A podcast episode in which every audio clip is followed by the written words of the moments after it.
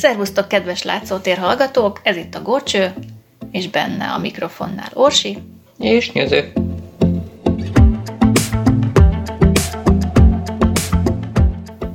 És ezt majd beharangoztuk, hogy a téma az utcán hevert, úgyhogy most Zolinak átadom a szót, hogy ő mesélje el, hogy hol is találta ezt a bizonyos könyvet, amiből most felolvasom majd nektek.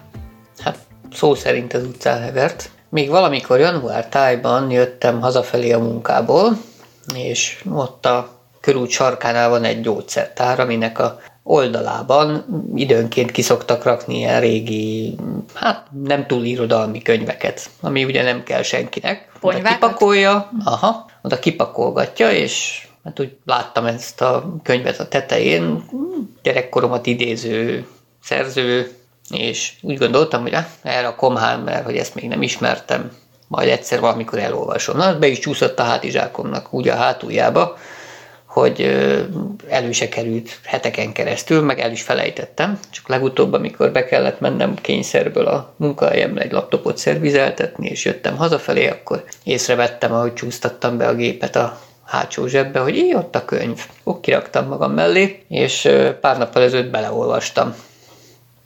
Én meg csak azt hallottam, hogy olvasás közben föl-föl nyerít az Zoli szabályosan. Hát igen, ugyanis minthogyha híreket olvasnám helyenként.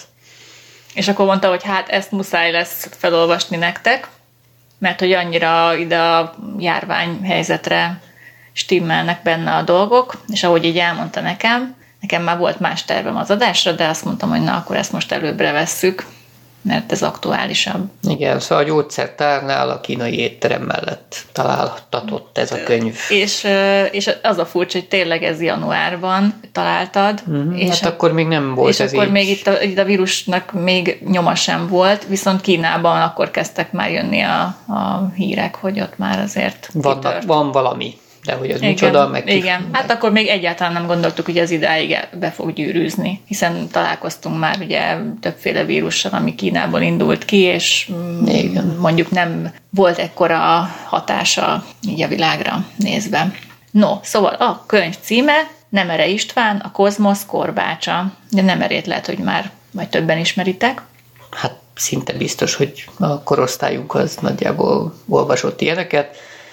Én nem, én bevallom, hogy nem, de... Az az igazság, hogy nem mély irodalom, tehát ezt nem is mondja senki. De hallottam a nevét, tehát azt is tudom, hogy ilyen sci-fi irodalmat alkotott ő, ha nem is olyan szintűt, mint mondjuk Asimov, vagy ö, Stanislav Lem, vagy igen, jó kis olvasmány lesz szerintem, könny- könnyed kis olvasmány szerintem, és lehet, hogy rá fogunk ismerni bizonyos helyzetekre majd olvasás közben. Úgyhogy hajrá, ez, a, Csapjunk is bele. ez egy régebbi kiadás egyébként, mert találtam a neten egy 2019-es kiadást is, amit másik kiadó. Hát szerintem ez az eredeti. Lehet, hogy ez az eredeti, ez az Express könyvek kiadó, és 82-ben íródott a könyv. Well,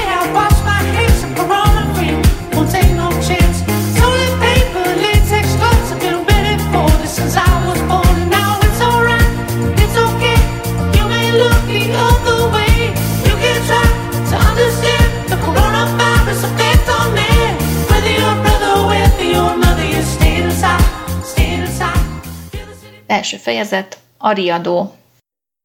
Azon a nyáron még senki sem sejtette vala, hogy közelg már a szörnyű vég. Amikoron pedig az beköszöntött vala, a város lakóinak legjava nem akarta elhinni. Itt vagyon már a fekete halál. Idézett Stefanus Eremen a Fekete Halál krónikájából, Anno Domini 1342. Mi lesz ma a tévében? kérdezte Rader. Az ablaknál üldögélt és kifele nézett. Az égbolt már erősen szürkült, nyolc óra felé járhatott. A férfi egy pillanatig mérlegelte, kigördüljön-e a teraszra. Eszébe jutott, hogy már hűvös lehet odakin. Hiába van nyár, az esték néha borzongatóak. Vagy csak ő érzi így. 63 éves. Igen, az öregséggel sok kellemetlenség jár együtt. Például az örökös fázékonyság. Nem nagy öröm látni, hogy az évek múlásával az ereje is megfogyatkozik az embernek. Egy biztos, egészségesebb már nem leszek, tette hozzá gondolatban, és kissé megkeseredett a szájíze. Valami ócska krimi, felelte a felesége. Deszna kis tálcával jött a szobába, és elégedetlenül rázta ősz fürtös fejét. Abló termetén sötét-kék sejem otthonka feszült. Itt a gyógyszered, vedd be! Rader megfogta a vizes poharat, a tálcát a térdére fektette. Vigyázott, hogy házi kabátja széles ujja le ne seperje a kis színes korongokat. Alatta megnyikordult a tolószék, mintha a kerekek már futni, forogni akarnának. Lehet, hogy ez egy jó krimi lesz, jegyezte meg makacsul, reménykedve. Jó krimi, jó krimi. Csodálom, hogy van kedved ilyesmit nézni. Folyton csak lövöldöznek. Neked aztán éppen eleged lehet a lövöldözésből, nem? Rader lenyelte az utolsó tablettát is. A hideg víz jól esően ömlött szét benne. Érezte. Visszaadta a tálcát, és úgy döntött, mégis kimegy a teraszra. Megmarkolta a hajtókereket. A gumik nyisszanva fordultak el a padlón. Néhány határozott mozdulat, ajtónyitás, és már is a barna, hadszögletű kőcsempéken gördült a kocsi. A férfi összehúzta mellén az inget, és a korláthoz hajtott féloldalasan. Ha kicsit előbbre hajolt, láthatta oda lenne az utcát is, de inkább elnézett messze a város fölé. A nyolcadik emeletről látta a nagy bazilika zöldes kupoláját, a régi királyi palota vörös kőtornyát. A domboldalakra felfutó kanyargós utcákat, a központi pályaudvar fekete-fehér műbárvány tömbjét. A láthatár szélén, majdnem mindig kékes párába burkolózva, a felmeredő tévétornyot is. A láthatártól láthatárig nyúló végtelen tetőtengert. Kráter itt született, itt élte le eddigi éveit. Szerette a folyót, a parkok zöldjét, a belváros 200 éves házait. A magas és keskeny hidakat, a rakpart régi kőoszlopait. Néha úgy érezte, nem tudna máshol élni. Igaz, nem is próbálta soha. Ha behúnyta szemét, akkor is ugyanezt látta. Naponta legalább egy órát üldögélt itt. Ismerte már a napszakok árnyékait, tudta, hol bújnak meg a fekete foltok.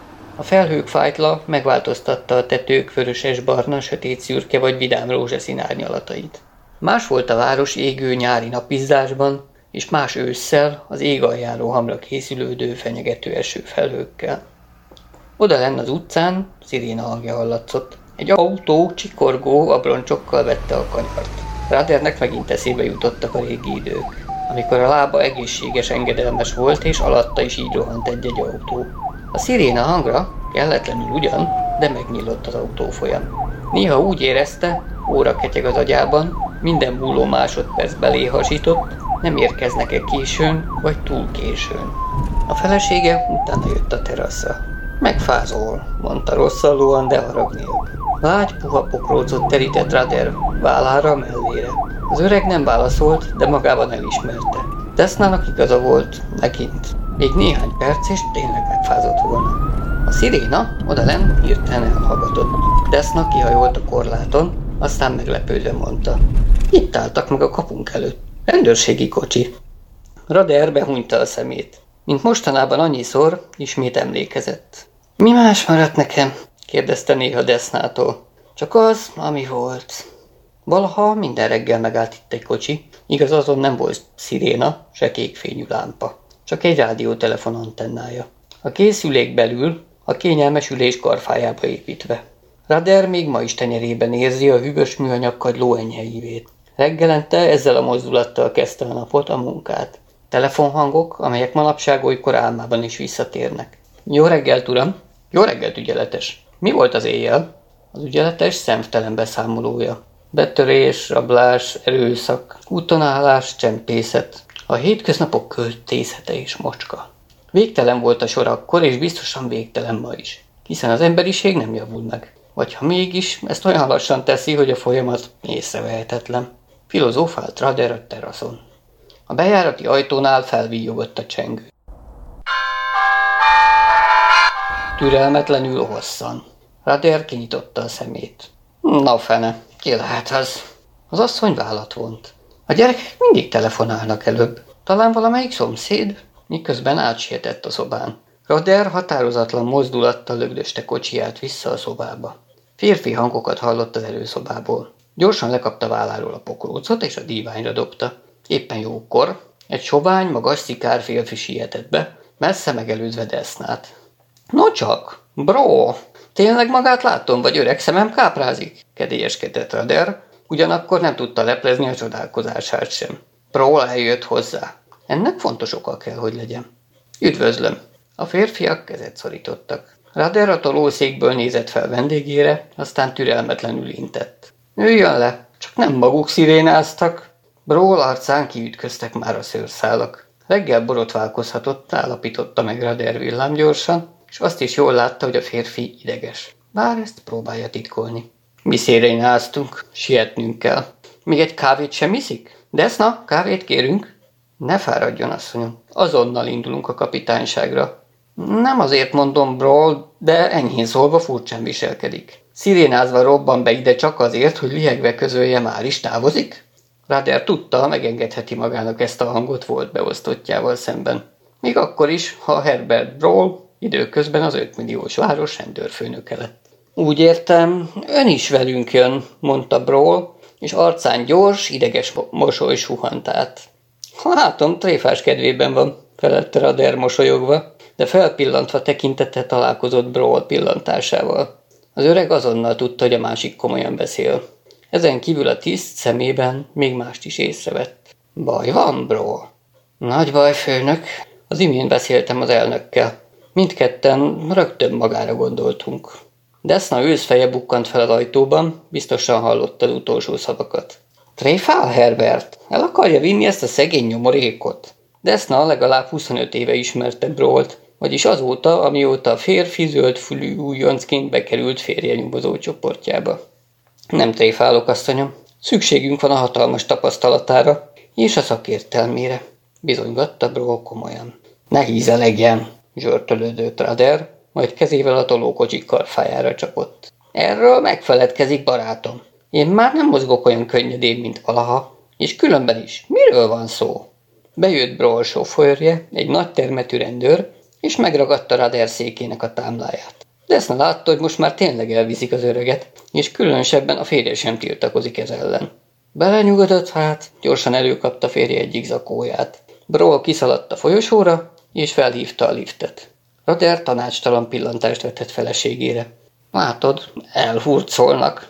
Legalább nem fogsz unatkozni ma este, sóhajtotta az asszony, majd hozzátette. Igaz, én sem.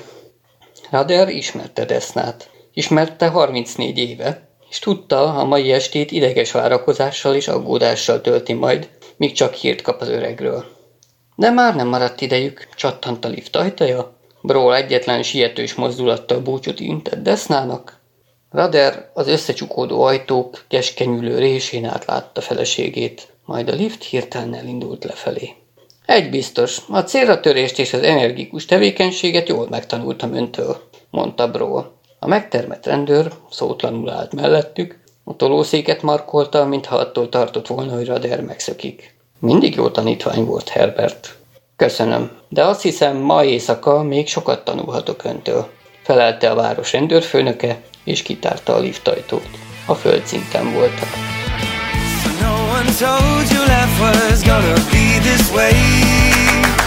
Job's remote, you're broke, you're hiding from the plague. It's like you're always stuck in quarantine. And you might be there a day, a week, a month, or even a year, but I'll be there for you. Washing my hands all day. I'll be there for you. Standing six feet away. I'll be there for you. Egy perccel később az elektroautó szirénázva indult el a ház elől. A sofőr azonnal gyorsított. A szürkület már-már éjszakába fulladt, feketék lettek a házak, az úttest. Csak a kirakatok, a reklámok világítottak. Az égbolt homályos búraként tompán csillant. Ilyen tájt soha nem járok az utcán, azóta, mondta Rader, élénken körülnézegetve. Aztán a látványtól hirtelen elszakadva visszatért a jelen helyzetbe. Hátát az ürésnek feszítette, és bróra pillantott. Nos, ne legyen szűkszavú Herbert. Halljuk, milyen csávába kerültek. A rendőrkapitány a térdén dobolt ujjaival, látszott az arcán, hogy összpontosítja figyelmét. Radder ismerte ezt a szokását, becsülte is értem. Brawl soha semmit nem hamarkodik el, megfontolja a lépéseket, akár a jó sakkozó. Most is ez történt. A kapitány villámgyorsan végig gondolta az eddigi eseményeket, és attól a ponttól kezdve kezdte mesélni, ahonnan a könnyebb megértés kedvéért szükségesnek tartotta. Azt ugye tudja, kapitány úr, hogy a Holdon épített két kupolaváros közül az egyikkel mi tartjuk fenn a közlekedést. Egyelőre nem szenvedek akkori elmegyengeségben, Bról. 2012-ben épült az a Holdi város. Úgy emlékszem rá, mintha ma lett volna, hisz csak 11 év telt el azóta. Így van. Átlag hetente két járatot indítunk oda-vissza.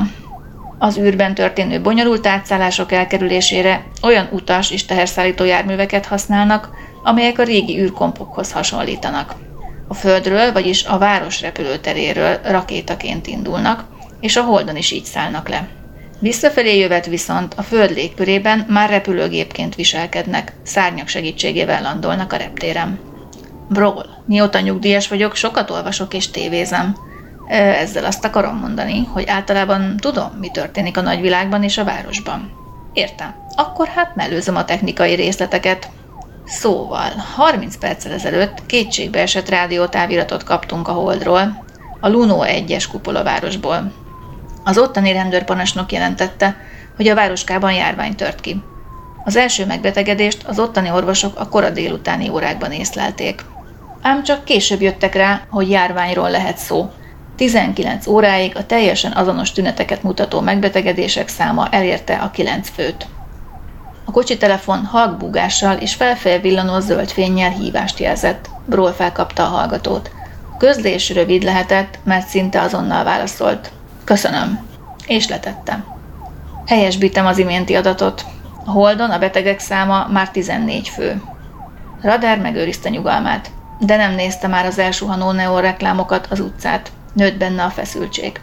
Közben átrobogtak egy hídon, közeledtek a belvároshoz. A nagy termetű sofőr remekül vezetett, elelsuhant a tétovázó autók között. A sziréna most hallgatott. Járvány a Holdon, töprengett Rader. Nyilván nem csupán erről van szó. Bról a város biztonságáért felelős, és ha, mint mondta, magával a köztársasági elnökkel beszélt a dologról, akkor baj van, biztosan nagy baj. És az a baj itt van a földön, a városban, nem a holdon. A tünetekről majd az orvos szakértők számolnak be, most csak a leglényegesebb dolgokat közlöm, folytatta Bról kapitány. A holdváros természetesen azonnal lezárták, ám még a járvány felfedezése előtt a mi időnk szerint délután négy órakor eljött onnan egy űrrepülőgép, ide, a városba. Leszállt már? kérdezte röviden Rader. Valami újra megfeszült benne acélhúra testben. Az öreg férfi megfeledkezett béna lábairól. Agya villámgyorsan osztályozta az eddig hallottakat. Negyed órával a hírvétele előtt, bólintott Broll komoran. Mire intézkedtünk volna, kiderült, hogy a holdról érkezett utasok elszélettek a városban. Súlyos lett a csend. Még nincsenek halálos áldozatok a kupola városban? kérdezte aztán Radar halkan, reménykedve. Az ottani orvosok szerint hamarosan várható néhány haláleset. Erre mutat a kor rohamos kifejlődése és a betegek állapotának rendkívül gyors romlása. A holdi orvosok tehetetlenül állnak a korral szemben, mert az nem minden részletében hasonlít az ismert betegségekre. Mi lesz az én feladatom? Rader mélyet lélegzett. A széles sugárút végén feltűnt a központi rendőrkapitányság masszív tízemeletes épülete. Sok ablakban égtek még a fények. Radernek eszébe jutott, hogy amióta kényszer nyugdíjazták a lába miatt, csak kétszer járt itt. Egyszer a búcsúztatási ünnepségen, amely a féle humánusabb temetési szertartásra emlékeztette, másodszor pedig a kitüntetése átvételekor. Azóta csak álmaiban látta ezt az épületet. A következő órákban óriási méretű tömeges akciókat kell indítanunk. Bról hangja komolyan kondult. Persze, azonnal önre gondoltunk, de a miniszter megnyugtatására megkérdeztük a személyzeti nyilvántartó komputert, hogy a vezetőbeosztású tisztek közül a múltban kivett már részt ilyesmiben. Egyetlen név jelent meg a képernyőm. És az az enyém volt, bolintott meglepődés nélkül a felügyelő. Az a bizonyos hatalmas razzia 2008-ban volt. Az Atomfizikai Kutatóintézetből ismeretlen tettesek elloptak néhány tartály rendkívül veszélyes sugárzó izotópot. Másfél napig tartottuk lezárva a várost, míg a tartályok sértetlenül előkerültek. Emlékszem, mondta Bról sietve, mert közben a kapitányság elé értek. Akkor már az ön csoportjában dolgoztam, uram. Nem sokkal később nevezték ki önt a kapitányság élére. Igen, én lettem a rendőrkapitány, suttogta Rader, Bról ezt már nem hallottam. Fékcsikorgással érkeztek a bejárathoz. Az őrtálló rendőrök tisztelektek, ismerték Bról szolgálati kocsiját. A kapu mögött elfordultak, betagult rejtett a mélybe. A ház alatti tágas garázsban közvetlenül a liftakna mellé kanyarodtak. A sofőr kiemelte és a tolókocsira helyezte az öreget, Broll pedig betolta a liftbe. A sofőr odalán maradt. Hány utas volt a gépen? kérdezte Rader röviden. Harminc és négy főnyi személyzet. Karanténnal hogy állunk? Az elsőt most rendezik be, csak ne legyen szükség többre. Az űrrepülőgép személyzetét természetesen azonnal odavitettem. Radar tudta, hogy a tizedik emeletre mennek, a padlásra, ahogy régebben mondogatták. Kíváncsi volt, vajon ma is járja-e még ez a zsargon a kapitányságon. Vagy az efféle dolgok is megváltoznak, ha a régi főnök helyett új érkezik? Végtére is pár év eltelt azóta. Az lenne a furcsa, ha semmi sem változott volna. Mit szólt a miniszter, amikor a kompjúter az én nevemet dobta ki? Bról arcán kesernyés mosoly szaladt át. Őszinte leszek, nem örült. De belátta, hogy a tapasztalt mester jobban, hatásosabban játsza el a koncertet, mint az a művész, aki azt csak kottából ismeri. Szép hasonlat, bólogatott Rader szaporán. Teljhatalmat kapok? A város rendőrségére bízták az összes szükséges intézkedés jogát. Micsoda körmönfont fogalmazás, de végtére is. Ez éppen azt jelenti, nem? Így van, uram. A lift megállt, Broll kitart a radárt a folyosóra. Az ott siető civil és egyenruhás rendőrök megrökönyödve bámulták a jelenetet. Nem mindennapi látvány volt. Herbert Broll kapitány egy civil ruhás nyomorék kis öreget tologat a folyosón, akárha a felhőtlen öregség otthonában dolgozna. Aztán a régiek közül többen felismerték Radert, oda siettek. Kapitány úr, Rader, ez aztán a meglepetés. Hogy vagy, öreg fiú? Száz éve nem láttuk, uram. Csak nem szolgálatba lép ismét, kapitány úr. Raderbe új erő költözött, az ismerős arcok láttán rögtön jobban érezte magát, megfelelkezett a lábáról is. A feléje nyújtott kezeket szorongatta, mosolygott. Nevükön szólította egykori munkatársait. Broll közben nem állt meg, kitartóan tolta a kerekes széket saját irodája felé. Végre bezárult mögöttük az ajtó. A jókora teremben néhány férfi várakozott, a legtöbben civilben voltak. Broll megtorpant. Uraim, Rader nyugalmazott rendőrkapitány fogja vezényelni az akciót. Rader úr, ezek a beosztottjaim és a kirendelt szakértők. Rader körül pillantott, és azonnal elemében volt. Tiltakozva emelte fel a kezét. A bemutatással várjon még. Először a technikai feltételeket teremtsük meg. Ennek sokkal nagyobb a jelentősége, mint sem gondolná. A gyors hírközlés ilyenkor életbevágóan fontos. Kérek ebbe a terembe három-négy videótelefont, egy telexet, több rövid hullámú rádióadóvevőt. Kapcsoljanak közvetlen vonalat a járványügyi kutatóintézethez és a város katonai parancsnokságához. Amint létrejönnek a karanténállomások, azokkal is több csatornás összeköttetést kérek. A falra dobják fel a város térképét, a legnagyobb és a legrészletesebb térképet hozzák ide, amelyen a külvárosok is rajta vannak az utolsó sikátorig. Bról, Uram, a miniszter mit szólna egy kordonhoz? Nem tetszene neki, de fogcsikorgatva áldását adná rá. Értem. Egyelőre intézkedjenek, hogy álljon le az egész kifele irányuló közlekedés. Minden helyi érdekű vonat, autóbusz, na és a légi közlekedés is természetesen. Még csak azt hiányzik, hogy ezt az átkozott nyavaját széthurcolják a világba. Villám sebesen tegyék ide elém a 30 utas névsorát. Remélem a lakáscímük is megvan már. A rendőrkapitányság tizedik emeletén lázas munka kezdődött. A leendő munkatársak bemutatására ezért csak később került sor. Az akcióhoz két igen tehetséges fiatal tisztet rendeltem ki, mondta Broll Radernek és intett embereinek, lépjenek közelebb. Dragos hadnagy a kábítószeresektől, és Helver hadnagy a gyilkossági csoporttól. Dragos magas, fekete hajú, keskenyvállú férfi volt, az arcát a bal füle mellett régi hely csúfította el. Ám a hadnagy igyekezett mosolyogni. Tudta, ilyenkor a sepphely majdnem eltűnik szélesre hagyott oldalszakálla alatt. Helver arancsonyabb volt és hirtelen szőke. Az arca rózsaszínű. Kicsit szögletesen mozgott és komoly arccal tetvett. Talán a gyilkossági csoportnál látott szörnyűségek tették ilyenné. Lerda professzor a belügyminisztérium járványügyi tanácsadója. A professzor majdnem egykorú volt Raderrel, a két férfi kemény mozdulattal fogott kezet. Lerdal ősz halántéka erős álla némi rokon szembet ébresztett az öreg kapitányban. Ugyanakkor tapasztalat azt ne hagyja magát befolyásolni a külsőségektől. Mi már találkoztunk egyszer, mondta Lerdál. Valamelyik minisztériumi fogadáson vagy nagykövetségem? De én akkor még szép szállegény voltam. intett Rader kesernyés mosolyjal nyomorék lábára.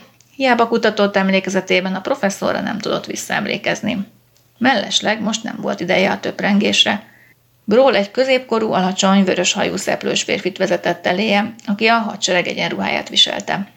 Noyers őrnagy, a minisztérium és a hadsereg összekötő tisztje. Ha szükségünk lesz a katonákra, rajta keresztül mindent elintézhetünk.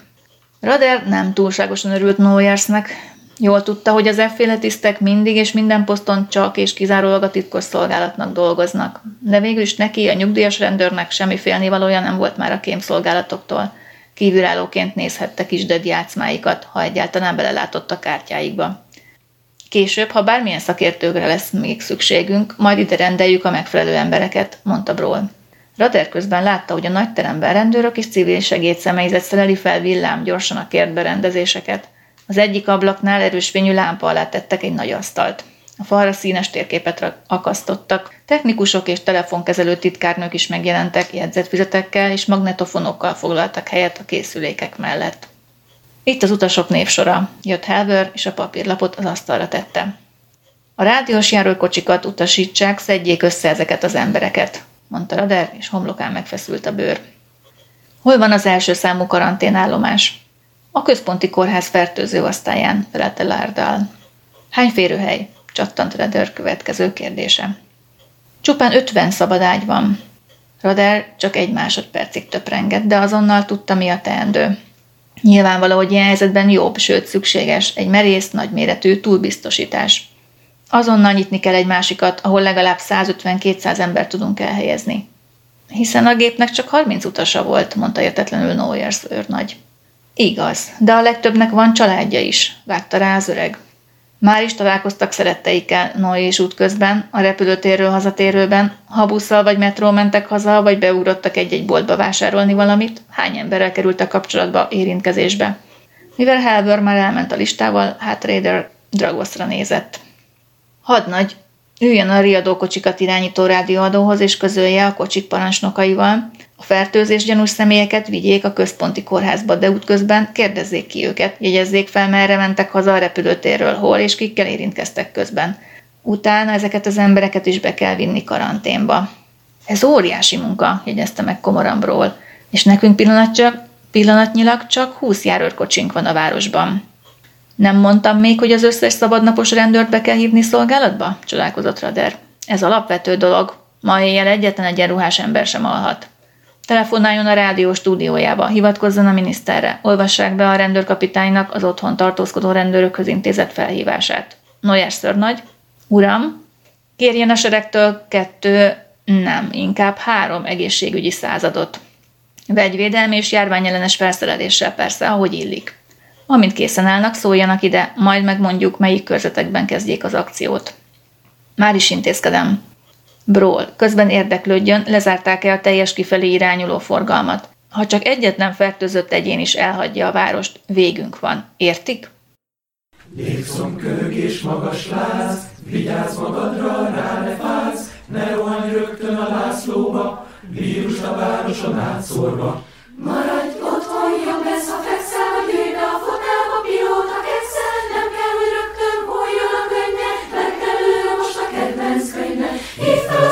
indul a rendszer, jönnek a maszkban, vírus tesztel. Negatív lehet bármi, 24 óra meg kell várni, visszaszólunk, hogy mi a téma, maradjon addig karanténba. Karanténban kicsi, karanténban nagy, bezárva a szív és bezárva az agy. A taxi lámpái szinte alagutat fúrtak a sötétségbe. A vasúti felüljáró környékén és a külvárosi utcán csak itt-ott égett egy-egy lámpa. A fekete homály partalanul borított el mindent. A négy-öt emeletes házak ablakai javarészt sötétek voltak. Itt álljunk meg? kérdezte a sofőr. Igen. A magas, válas férfi megmarkolta táskáját, és fizetett. Az elektromotor olyan halkan járt, hogy alig lehetett hallani. Csak a kis kereklámpa jelezte a szerelvényfalon smaragdzölden, egyenletes fényjel, a motor működik. A férfi kiszállt és gyors léptekkel elindult a járdán. A sofőr lassan megfordította az autót és elindult visszafelé. Hiába figyelte a néha feltűnő embereket, senki sem intette le. Az utas közben elérte a következő sarkot, és jobbra fordult. Inkább 200 méter gyalog, mint utána lebukni egy fecsegő taxis miatt, gondolta. Elégedett volt magával. Eddig minden gyorsan és simán ment, már csak egy dolog maradt hátra. A legfontosabb. De ma mellé, mellé szegődött a szerencse, úgy látszik. Éppen ideje volt. Szóval ma az is sikerülni fog. Előbb óvatosan szemlélte a házat, csak utána lépett a félhomályos lépcsőkre. A liftet nem kedvelte. A mai energiahiányos időkben nem egyszer előfordul, hogy kikapcsolják az áramot. Márpedig ma éjjel nem engedhet meg magának semmiféle időveszteséget. Inkább nekiérett gyalog a lépcsőknek, a negyedik emeleten már kis szuszogott. De gondolatban legyintett. 40 év még nem kor.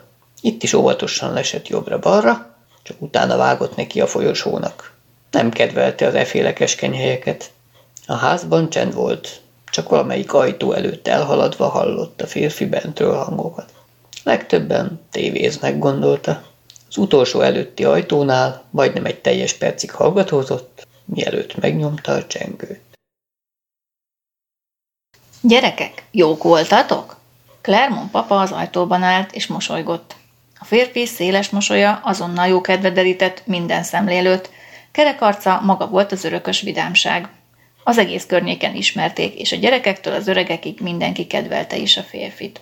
Mindenkihez volt kedves szava, tréfás mondásait is gyakran idézték. Clermont papának szólították a közeli áruházban épp úgy, mint munkahelyén a városi gázműveknél. Állítólag a felesége is vezeték nevén hívta, a gyerekekről nem is beszélve. A három lurkó átrohant a szobán, és egy perccel később már a díványon dögönyözték apjukat. Az asszony közben hiába próbálta csitítani az égtelen csatazajt, inkább neki látott férje bőröngyének. A használt fehérneműk alól hamarosan műanyag keretbe öntött furcsa tárgyak kerültek elő. Holt kőzet, szuszogta Clermont papa, amint sikerült lerázni a magáról Szeleburdi utódait.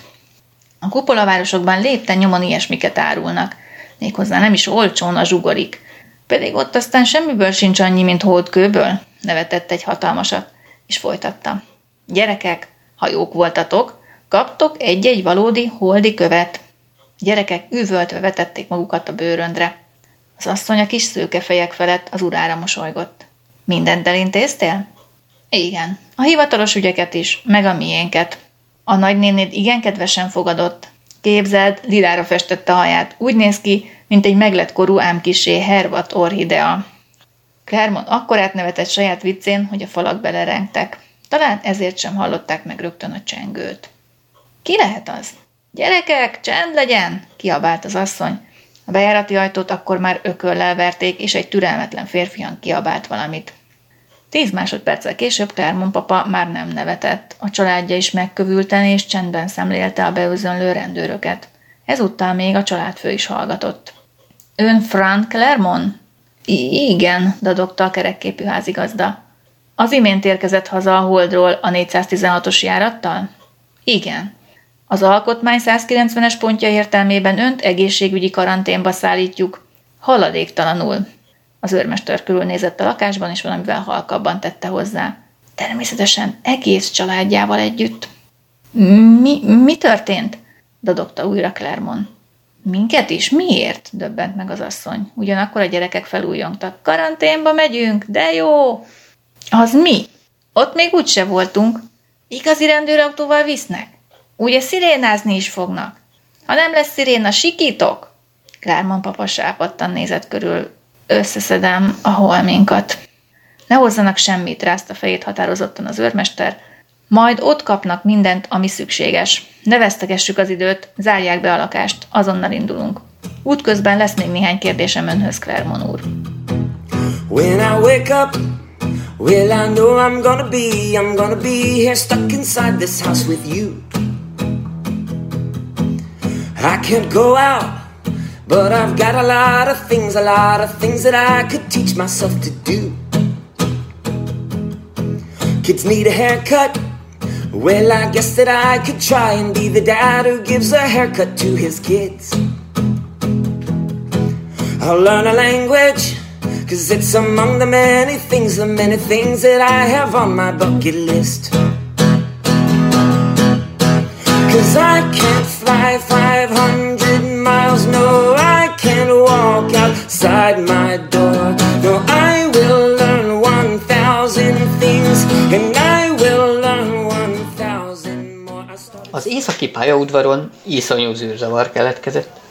A hatalmas műanyag kupolák alatt több ezer ember verődött össze, a legtöbben tanástalanul járkáltak a peronokon.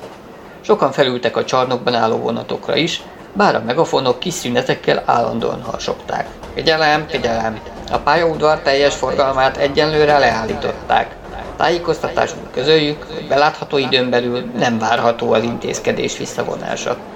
A csalódott utasok megrohamozták az információs pontokat, de ott is ugyanezeket a mondatokat hallották. Az állomáson hallgatagon álltak a hosszú ezüstszínű szerelvények, amelyek magas drótkerítésekkel lezárt különleges pályáikon 250 kilométeres utazósebességgel szoktak száguldani a város távolabbi környékére, ahonnan rengetegen jártak be dolgozni napról napra. A tömegben többen rosszul lettek. Egy mentőautó szirénázva fékezett le az indulási oldalon levő vörös keresztes elsősegély helyek előtt. Valaki hangosan kiabálta, hogy a nem dohányzó váróteremben egy terhes asszony szülni kezdett. Mi a helyzet a többi pályaudvaron? kérdezte egy munkás, akinek végre sikerült elkapnia egy forgalmistát. Úgy hallottam, mindenütt leállították a kifelé induló forgalmat. Állítólag még a taxisokat is értesítették QR-án, hogy nem vállalhatnak fuvarokat a városon kívülre. Közben egyre másra érkeztek a vonatok, hiszen a központi rendelkezés értelmében a város felé már úton levő vonatokat nem állították le, csak újak nem indulhattak el a környékről befelé. Az éjjeli műszakra a városba érkező környékbeli munkások értetlenül meredtek a szürke csarnokokban hullámzó tömegre, többen már általános sztrájkra gyanakodtak. De nem volt idejük ezen töprengeni. A rendelkezések hallatán csodálkoztak, sokan elvesztették a fejüket. Attól tartottak, hogy a rendelkezés miatt munka után másnap reggel nem mehetnek majd haza. Az állomás előtt mozgójárdák és lépcsők vártak rájuk. Az egyre másra érkező emberhullámokat elnyelték a metróállomások. Néhol az aj elviselhetetlenné nőtt, szinte az csapott. A várost akkor már eluralta a sötétség.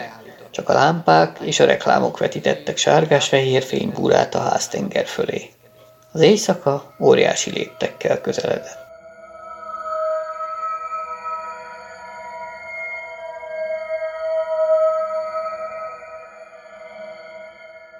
Tudnak már összeköttetést teremteni a holdal? kérdezte Rader. Természetesen kapitány. A kapitány megszólítás halatán Rader furcsa melegséget érzett a mellében. Hány éve is, hogy utoljára szóltak hozzá így? De nem volt ideje elérzékenyülni, feszült benne a tetvágy, ugyanakkor agya mélyén tompa nyomást érzett. Jól ismerte ezt, legalább 40 éve. Mindig akkor bukkant fel a testében, ha nagy veszély fenyegette. Hát lássuk. Rader meglökte a kocsit, kettes számú képernyő elé kanyarodott. Közben a háta mögött az egyik hangszóróban egy monoton férfi hang ismertette a közlekedési csomópontokról érkező helyzetjelentéseket. A városban néhol összetorlódott a forgalom, hosszú autóoszlopok álltak az üzleti negyed utcáin. Az emberek többsége, ahogy ezt a kereszteződéseknél elhelyezett kamerák mutatták, nem sejtette, hogy a városban történik valami. A pályaudvarokról még nem jutott el a hír mindenkihez. A szórakozó negyedben lüktetett az élet, színházak elé sorjában gördültek a fényes autók, a taxik. Mozgó lépcsők ontották a mélyből a járókelőket. Bról összeráncolt homlokkal hallgatta a beszámolókat, nem lehetett tudni, mire gondol. Egy fiatal technikus közben újabb telefonkészüléket szerelt fel. Noyers őrnagy, radar mögé állt, ő is a holdi kapcsolásra várt. A madszürke képernyő hirtelen kivilágosodott. Néhány formátlan folt és fényfelvillanás után színes kép tűnt fel. Egyszerű hivatali szobában állhatott a Luno 1-es kupolavárosi vevőkészülék. Aztán a hívást jelző csengőszóra egy férfi lépett a kamera elé. 45-50 éves lehetett, fáradt arcát ráncok szabdalták. Homloka fölött erősen kopaszodott. Rader először átható zöld szemét látta csak. Rader rendőrkapitány vagyok, a város járvány akciójának vezetője, mondta határozott hangon. Kérem, a most alakult válságbizottság számára adjon egy gyors beszámolót az eddigi eseményekről. Akkor már a tolószék mögött álltak a többiek is, kivéve Dragoszt, aki a sarokban a járőrkocsik parancsnokaival beszélt rádión. A holdon a férfi önkéntelenül is zúbonyáért nyúlt, vállára dobta, és fáradt mozdulattal simított végig a homlokán. Csak utána kezdett beszélni. Jocelyn őrnagy vagyok, az itteni rendőrparancsnok. Mint már jelentettük, az első megbetegedést az orvosok 14 óra után észlelték. Később nyilvánvalóvá vált, hogy egy igen gyorsan terjedő járványjal állunk szemben, amely még a délután folyamán tízegy néhány ember döntött le lábáról. Most kaptam a hírt, hogy két, szóval ketten már életüket vesztették. Lerdál szólt közbe. A tünetekről beszéljen, őrnagy. Itt van a kupolaváros főorvosa, ő ehhez jobban ért. Az őrnagy elhúzódott. A helyére egy fehérköpenyes, ideges mozgású férfi lépett, keskeny mandula szemét a ráirányuló fény miatt még inkább összevonta. Onohara doktor vagyok. Igen, rossz helyzetbe kerültünk, uraim. A kupolaváros természetesen lezártuk, de ez a mi esetünkben nem sokat segített. A rendelkezésünkre álló kis kórház mindössze 40 férőhelyes. Attól tartok, holnap reggelre az egész kupolaváros egyetlen kórfészekké alakul át. Ami a tüneteket illeti, a beteg először éles, hasogató fejfájásra panaszkodik, aztán hirtelen belázasodik. 38-39 fokos lázról van szó, ami már önmagában is veszélyes. Az eddigi tapasztalatok szerint a tünetek a Földön is régóta ismert kúlázhoz hasonlítanak. Kezdetben úgy látszik, mintha a lázas tüdőgyulladásról lenne szó, annál is inkább, mert a hamarosan fellépő kísérő szövődmények is erre utalnak. Mellhártyagyulladás plusz savós agyhártyagyulladás. Amiben ez a kóra földitől különbözik, az a szédületes és szinte hihetetlenül gyors kifejlődése. A szó szoros értelmében órák alatt alakul ki a végzetes folyamat, és úgy mondhatnám, a kór igen nagy energiával támad. Ezért gyanítom, hogy a mortalitása, vagyis a halálos áldozatok aránya is igen nagy lesz. Hallottuk az imént, hogy van már két áldozat, mondta Lerdel professzor. Igen, boncolásukat az imént kezdte el egy kollégám. Amint ennek eredményéről megtudok valamit, azonnal jelentem önöknek. Köszönöm. Rader a mikrofonhoz hajolt. Adja az őrnagyot. A ráncos arcú férfi újra megjelent a képernyőn. Őrnagy, kapcsoltassa ki a kupolaváros távközlési rendszereit, a magántelefonokat és videótelefonokat is. Csupán az önkészülékén tartjuk majd a kapcsolatot. Erre csak ugyan szükség van? kérdezte a maszk kelletlenül. Radár türelmetlen mozdulatot tett kezével, de megértette, hogy némi magyarázatra szükség van. Hány lakosa van a kupolavárosnak? 1112. No látja, őrnagy, önnek csak ennyi emberrel kell törődnie. Itt a városban viszont négy és fél millióan lakunk, és ha ide számítom a környékbeli bejárókat is, akik már itt rekedtek, hát 5 millió ember sorsáról van szó. Nekünk kell felelnünk értük, ezért kérem, ne nehezítse meg a dolgunkat. Ha fennmarad a város és a hold között a telefon és videótelefon kapcsolat, az itteniek is hamar tudomást szereznek a járványról, akkor aztán a városban kitör a pánik. Ezt pedig mindenáron el kell kerülnünk, amíg lehet. Értem, bolintott Jocelyn őrnagy. Én hamarosan úgy is rákényszerülök, hogy itt kihirdessem a rendkívüli állapotot. No látja. Tehát szakítsák meg az összeköttetést a földdel. Egyelőre természetesen hivatkozzanak műszaki hibára. Kozmikus eredetű mágneses viharra, vagy amit csak ki tudnak találni. Így lesz, uram. Még egy pillanatra, Jocelyn. Nem is sejtik, mi okozta a járványt? Jocelyn zavartan pillantott oldalt, a helyiségben nyilván többen is tartózkodtak, akiket a kamera látószöge nem fogott be. Feltehetően ott volt a Luno egyes holdváros vezérkara, aztán csak annyit mondott. Az űrkikötőbe ma délben érkezett vissza másfél éves útjáról egy expedíció. Négy űrhajós, két férfi és két nő a Neptunus környékén jártak felderítő úton. Ők is betegek? Eddig még nem, ezért feltehető, hogy nem ők hurcolták be a kort. Keressék tovább a fertőzés forrását, Jocelyn, ez nagyon fontos. 5 millió életről van szó, de lehet, hogy többről. Érti, őrnagy? Értem. A képernyő elsötétült. Rader sóhajtó engedte ki tüdejéből a levegőt, aztán Brawl-ra nézett. A helyzetjelentések? A déli és keleti külvárosokból jelentik, hogy több száz autó torlódott össze. A rendőrök leállították a kifelé irányuló forgalmat, de több élelmes teherautósofőr mezei utakon próbálja elhagyni a várost. Az egyik helikopterünk több ilyen szökevény autót jelentett. Szerencsére a járókocsiknak sikerült őket idejében lefülelniük. Akkor hát, bármennyire is prüszköl majd a miniszter, mégis elrendelem a kordont. Noyersre pillantott. Amaz is Rader szemébe nézett, aztán határozottan bólintott. Értem, már is intézkedem. Legalább 5000 katonára lesz szükségünk. Egyelőre ennyire, tette hozzá Bról, és a falat borító hatalmas térképre pillantott. De ha kitörne a pánik, kétszer annyi sem lesz elegendő. A város helyőrségének kaszárnyai a külvárosokban és a környező gyakorlótereken helyezkednek el. Néhány perccel a fenti párbeszéd elhangzása után a hatalmas szürke épületekben éles csengő szó hasítja ketté a csendet. Ajtók csapódnak, száz és száz csizmás láb dobog a folyosókon. Lámpák gyulladnak, sárga fénynégyszögek vetülnek a sötét udvarokra, felfestett betonszegélyekre, mozdulatlan fagyal sorokra. Tenyerek csapnak telefonkagylókra, a megafonokból erélyes parancsszavakat hallani. A parancsnokok a páncélszekrényekben évek óta lezártan heverő borítékokat húznak elő, feltépik és éles fényű lámpák alá terítik őket. Ezek a minisztérium szakértői által az ilyen esetekre előre kidolgozott részletes utasítások. Minden alakulat számára kijelölték már, hogy a kordonfedő nevű akció életbelépésekor hány emberrel és milyen járművekkel, valamint fegyverzettel a város szélének melyik szakaszát kell lezárnia. Mire a garázsokban feldübörögnek a kocsik motorjai, a századparancsnokok eligazításán osztják szét a térképeket. A parancsnokok futó lépésben indulnak alakulataikhoz. A kaszárnyák udvarán reflektorok fényében állnak össze a konvojok. Az élén a jeepek haladnak, a kocsik tetején rádióantennák villognak. Tíz perccel a riasztás után az első csoportok már úton vannak a kijelölt pontok felé. Az éjszakában helikopterek dübörögnek el, közeli katonai repülőtérről indították őket. Fényszórók hasítják át a sötétség palástját. A város határán a pilóták illegálisan távozó személyek és járművek után kutatnak. A teherautókon metsző a szél. A katonák térdük között géppisztolyjal ülnek. Nem tudják, miről van szó, ismét csak a szokványos gyakorlatok egyikére mennek, vagy élesbevetésre. Tűzvésznél, árvíznél segíteni, vagy terroristákat felkutatni. Mindnyájan vettek már részt ilyen akciókban. A kordonfedő nevű hadművelethez mellékelt külön figyelmeztetésben a parancsnokok ugyanis azt olvashatták, hogy először mindenképpen a gyakorlott legénységi állományt kell bevetni.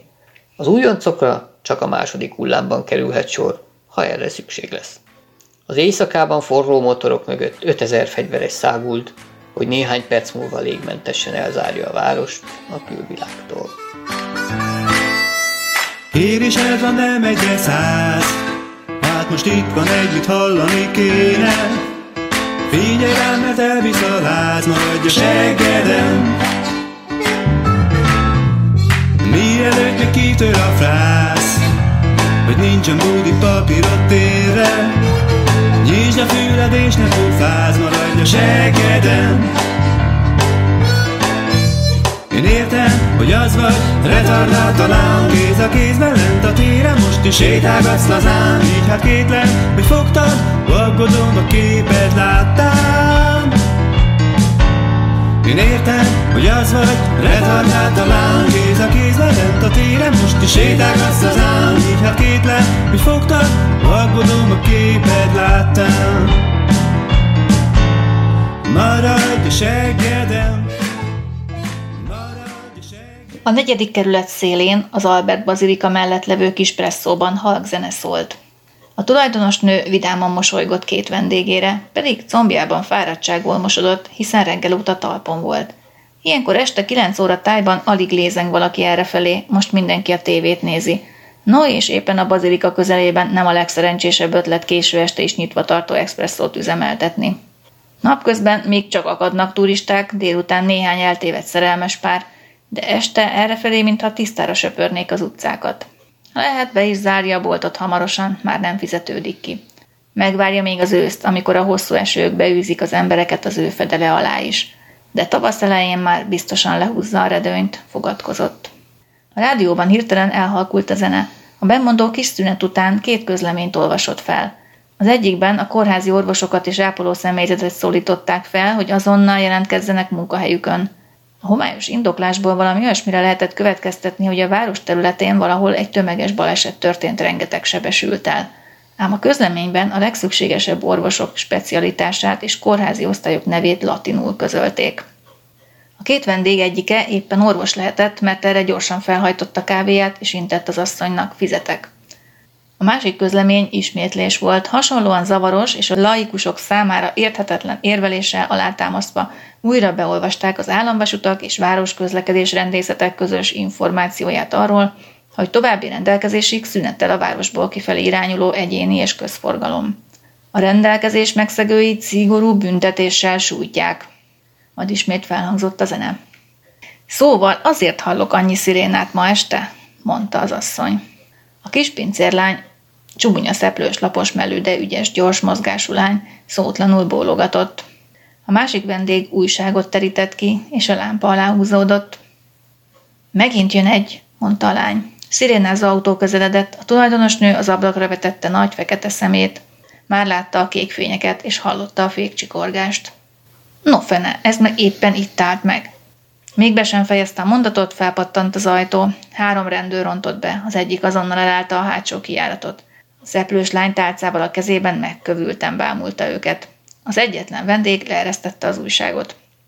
Egy órával ezelőtt itt járt egy Quillen nevű férfi? szögezte a kérdést a tulajdonosnőnek az őrjárat vezetője. Igen, felette az asszony meglepően nyugodtan. Régi törzs vendég, éppen a holdról jött haza, mesélte, és egy erős kávét kért. Ennyi elég, a rendőr körülnézett. Mindnyájan velünk jönnek. Ön zárja le a presszót, és igyekezzenek, kérem. A három ember felcsapó sirámai nem hatották meg az őrmestert. Ma este már nem ez volt az első fertőzés gyanús társaság, amelyet a központi kórházba vitt. Miközben a sápítozásukat és méltatlankodó mit sem értő panaszaikat hallgatta, arra gondolt, hogy szerencsére hamarosan a hadsereg egészségügyi alakulatai veszik át tőlük ezt a kellemetlen és veszélyes feladatot. Igyekezzenek, kérem, csak annyit mondhatok, hogy Quillen úrról kiderült fertőző beteg, ezért összeszedjük mindazokat, akikkel érkezése után kapcsolatba került. Asszonyom, zárja le a kasszát, oltsák el a fényeket. Nincs sok időnk. Önöknek mielőbb karanténba kell kerülniük, ahol egy vagy két napot töltenek. Amint a vizsgálatok kiderítik, hogy nem betegek, azonnal hazamehetnek majd. Az utolsó mondatokat az őrmester már saját fantáziájából merítette, aznap este nem először tett így, és tudta, ez némileg megnyugtatja a pácienseket. Amikor végre a riadó autóba ültek, a rendőrség központi rádióadója éppen újabb parancsot sugárzott a cikázó járórkocsiknak. A központi kórházban létesített egyes számú karanténállomás megtelt. A betegeket mostantól fogva a kettes számú karanténba vigyék, amelyet most rendeznek be az Orvostudományi Egyetem klinikáján. A bejárata a Navarro utca felől van. A Navarro utcai klinika kertjében több katonai és polgári teherautó állott. Húsz egy néhány férfi hatalmas vászonzsákot dobált a földre, mások a zsákokból barna és zöld katonai sátakat göngyölítettek elő. Egy tiszt és egy fehér köppenyes orvos kiáltozva mutatták, hova állítsák fel rögtönzött lámpaoszlopokat. Néhány overálos férfi vékony, színes kábeleket fektetett a pázsitra. A kis díszcserjéket hamar letaposták, a díszkút körül ültetett virágokat szintén. A kívülálló szemlélőnek úgy tűnhetett, hogy az emberek össze-vissza futkosnak mindenféle cél nélkül. Ugyanez a benyomása az erdei hangyabolyt figyelő kirándulónak is. Pedig, ahogy a hangyaboly minden egyes lakója pontosan ismeri és végrehajtja a feladatát, úgy dolgoztak itt a klinika udvarán is a katonák és a civilek. Két férfi, az egyenruhás és a fehér köppenyes, megállt a kert közepén. Az épületben 120 hely van, mutatott a főorvos a fák között álló egy emeletes lapos házra. A folyosókra és a halba is be tudunk állítani 30 ágyat. Kevés, rázta a fejét a kettes számú egészségügyi osztag parancsnoka, egy orvos százados. A kapott utasítás szerint itt legalább 350 helyet kell létesítenünk, méghozzá fél órán belül. A kertet sűrű végigrakjuk 12 személyes sátrakkal. És mi lesz a vízzel? érdeklődött a főorvos. Hozunk tábori mosdókat, sőt fürdőket is. Az ivóvíz pedig már itt is van, intett a százados a kapun éppen bekanyarodó ciszterna autóra. Ez 5000 liter, de már intézkedtem, hogy küldjenek még egy autóval, hisz nyilván több napra való vízről kell gondoskodnunk. Az embereim már is felállítják a rögtönzött csapokat, és keresnek néhány könnyen hozzáférhető elvezető csatornanyílást is. Ön hogy áll a vizsgálatokkal?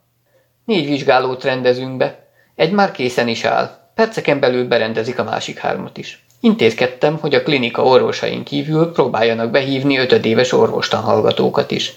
Azt hiszem, nagy segítséget jelentenek majd. Remélem, a klinikának van saját áramfejlesztője? Természetesen. A kertben újabb lámpák gyúltak. Rémült madarak rebbentek tova. Egy furgon motorját türelmetlenül bőgette le álmos sofőr. Videótelefon készülékeket hozott a karanténba. De ekkora felfordulásra nem számított. Mi van itt? kérdezte csodálkozva az ablakon keresztül egy katonától, aki ágynemű zsákokat cipelt be az épületbe. Nem látod, öreg? Kempinget rendezünk be a marslakóknak, felelte a masztréfással. Körös körül lázasan nyüzsögtek a katonák, újabb autók érkeztek. Két férfi egy rögtönzött vízcsapot szerelt tócsába gyűlt a túl korán kispriccelő folyadék. Az orvos százados megpillantotta a furgon oldalán a feliratot, oda sietett. Ember, a készülékeket vigye a ház hajjába, és azonnal szereljék fel. Magyarázólag fordult a főorvoshoz. Az újabb szabályok ugyanis előírják, hogy egészségügyi okokból kényszerizolációra ítélt állampolgároknak meg kell adni az összes lehetőséget, hogy távközlési kapcsolatot létesíthessenek családtagjaikkal. Őrmester, kiáltott az egyik katonára. Parancszázados úr, segítsen felszerelni a videótelefonokat, utána a hívószámokat írja fel, és adja ide nekem. Szirénázó rendőrkocsi tűnt fel a bejáratnál. Egy teherautó szétszedhető kórházi ágyakat hozott az egészségügyi minisztérium központi raktárából. Kelletlenül húzódott félre az útból. Pácienseket hoztunk, doktor, hajolt ki a riadó autó ablakán a rendőrőrmester. Vigyék az épületbe, a túloldalon van a bejárat, felelte a főorvos, aztán a katonákra kiáltott. Legalább egy utat hagyjanak szabadon,